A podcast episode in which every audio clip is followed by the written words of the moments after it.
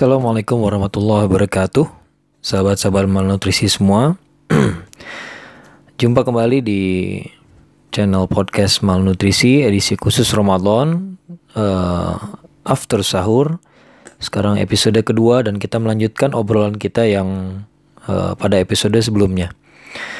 Sebelumnya saya menarik uh, menarik perhatian teman-teman semua untuk mencermati sebuah ayat yang sangat populer yaitu ayat 183 dalam surat Al-Baqarah. Di situ Allah Subhanahu wa taala berfirman, A'udzubillahi minasyaitonirrajim. Bismillahirrahmanirrahim. Ya ayyuhalladzina amanu kutiba alaikumusiyam kama kutiba alal ladzina min qablikum la'allakum tattaqun. Sadaqallah. Wahai orang beriman, nah ini yang jadi pembahasan kita pada episode sebelumnya yaitu bahwa saum Ramadan memang ibadah untuk orang-orang yang sudah merasa beriman. Karena artinya orang-orang yang sudah merasa aman dengan Allah, tidak lagi gelisah, sudah yakin, yakin bahwa apa yang Allah perintahkan itu tidak akan merusak dirinya, tidak akan menzolimi dirinya, tidak akan mengakibatkan kerugian pada dirinya. Dan memang kenyataannya demikian. Ya, jadi nggak ada satupun dokter di dunia ini yang mengatakan bahwa saum itu akan membuat kita sakit malah uh, banyak maka semakin banyak uh, dokter muslim atau bukan yang uh, ya mengajarkan para pasiennya untuk belajar mengontrol makan dan minum mereka sampai pada tahap mereka diajak untuk berpuasa. Ya, kita tidak menyebutnya saum. Saum ini punya spesifikasi yang agak uh, unik gitu ya. Kita nggak bisa mengatakan orang lain melakukan saum atau orang non muslim mengadakan melakukan saum gitu ya walaupun mereka nggak makan seperti kita. Ya sama seperti kita nggak bisa mengatakan uh, orang kafir menyembelih hewan lalu dagingnya dibagi-bagikan lalu kita mengatakan itu hewan kurban. Ya tidak ada orang kafir bisa berkurban.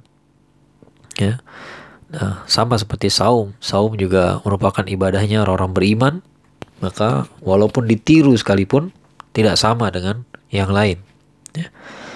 Nah, uh, kali ini saya ingin uh, menggarisbawahi bagian lain dari ayat tadi, di mana di situ dinyatakan, Ya ayyuhalladzina amanu, wahai orang beriman, kutiba alaikumusiyam telah di, diwajibkan kepada kalian uh, untuk saum, ya.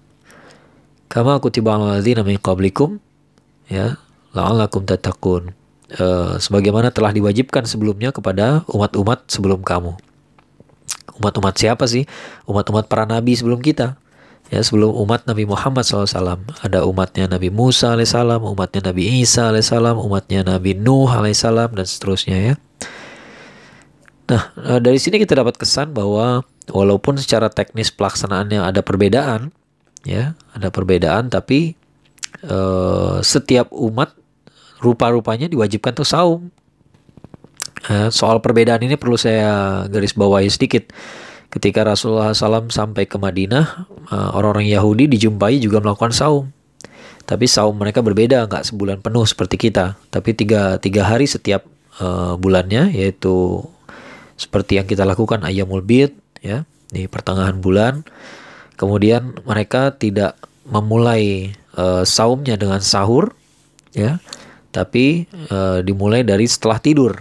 Jadi kalau misalnya maghrib, kemudian mereka makan, setelah makan lalu tertidur, maka walaupun terbangun jam 11 malam, ya masih tengah malam dia, gak boleh ngambil lagi.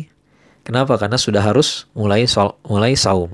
Nah itulah saumnya versi e, Bani Israel e, pada masa lampau. Ya, tapi di bagi umat Nabi Muhammad SAW yaitu sejak diutusnya Nabi Muhammad SAW maka saum itu sudah diubah teknisnya berubah kemudian yang wajibnya pun berubah. Yang wajibnya adalah saum Ramadan sebulan penuh ya. Nah e, jadi secara teknis pelaksanaan saum bisa jadi beda-beda ya. Beda-beda dari dari umat e, dari mas, umat dari masing-masing nabi dengan syariat yang berbeda-beda. Tapi e, setiap umat diwajibkan tuh saum ya Nah dari situ kita bisa mendapat kesan, bisa kita bisa melihat bahwa kelihatannya memang saum ini uh, adalah su suatu ciri-ciri manusia. Ya bisa saya katakan demikian. Maksudnya apa sih? Maksudnya begini, saya uh, agak tergelitik karena banyak orang uh, ketika membahas tentang puasa, ya mereka menyebutnya puasa gitu ya.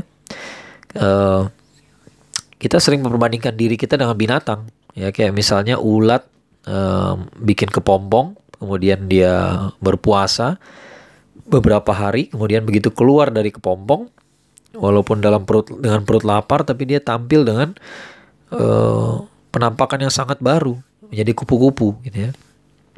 Begitu juga ada beruang yang yang bisa tidur berhibernasi ber, berhari-hari, berminggu-minggu, ya, bahkan sampai berbulan-bulan, ya, kemudian uh, bangun lagi dan langsung mencari makan, ya hidup seperti normal saja, ya.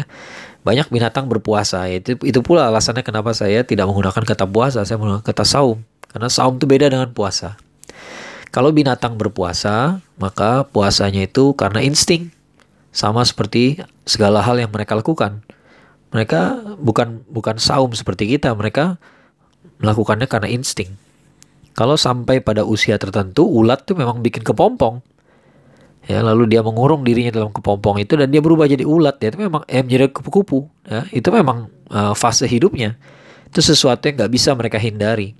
Ya, jadi nggak dan nggak ada binatang yang berpikir menghindari fitrahnya sendiri ya kita nggak bisa bayangkan ada seekor singa gitu ya tiba-tiba dapat kesadaran lalu berpikir kayaknya makan daging terus nggak baik nih buat kesehatan gitu ya.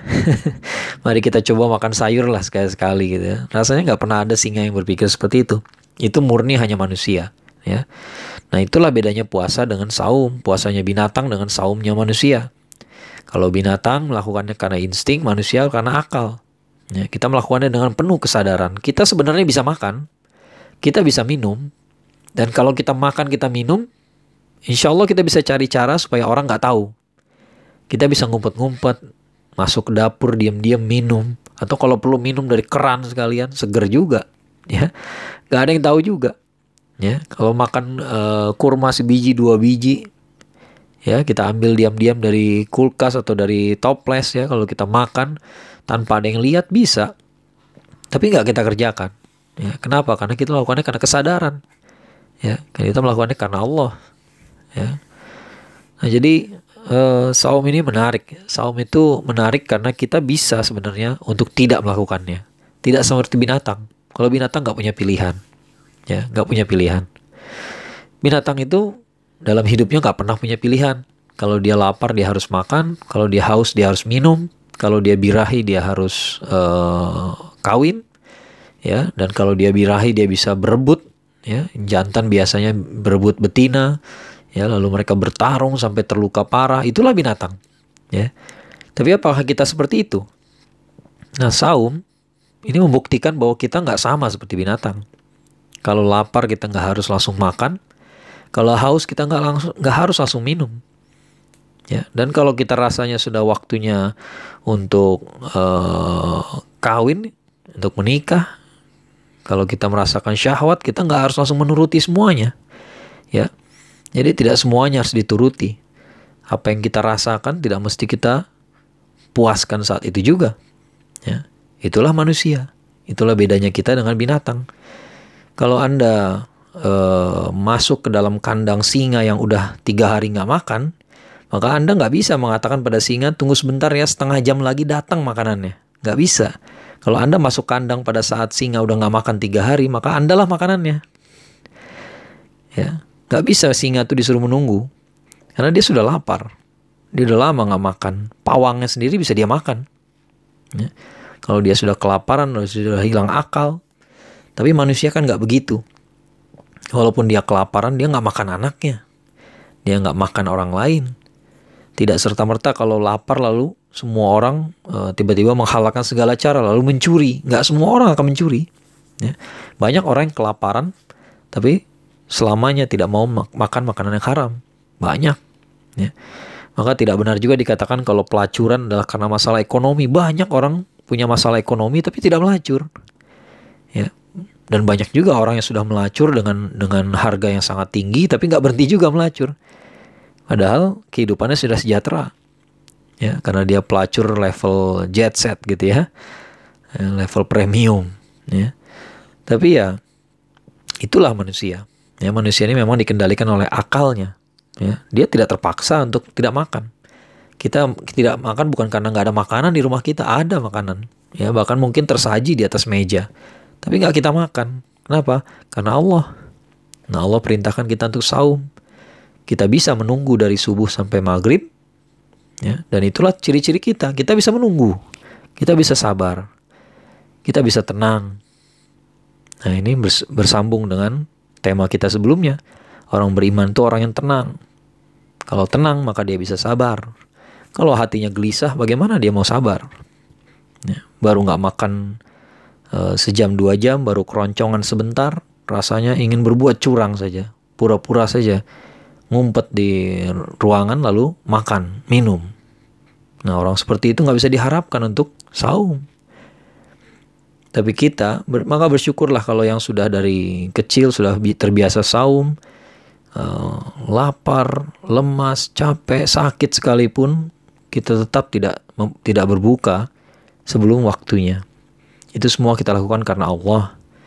Karena kita tidak khawatir, karena kita tidak gelisah, tidak ketakutan lagi. Tidak khawatir bahwa Allah akan zolim pada kita karena kita tahu Allah nggak akan zolim sama kita. Bersyukurlah karena bahwa, karena ini benar-benar anugerah yang besar bagi kita semua. Maka dapat kita simpulkan bahwa kita saum ini karena kita memang manusia. Saum inilah yang mengajari kita cara menjadi manusia. Banyak manusia yang jauh dari kemanusiaan, dan dengan saum kita diingatkan kembali pada nilai-nilai kemanusiaan. Manusia itu bisa bersabar, manusia itu bisa menunggu, manusia itu tidak menghalalkan segala cara, manusia itu nggak perlu nggak mesti hidup dengan secara pragmatis. Manusia itu tidak perlu ditekan oleh keadaan. Mereka bisa memiliki prinsip, mereka bisa mengendalikan dirinya, mereka mampu untuk menghadapi tantangan. Sampai jumpa dalam episode malnutrisi berikutnya, after sahur. Mudah-mudahan saum kita hari ini Allah ridhoi dan semua amal soleh kita diterima. Amin ya rabbal alamin. Assalamualaikum warahmatullahi wabarakatuh.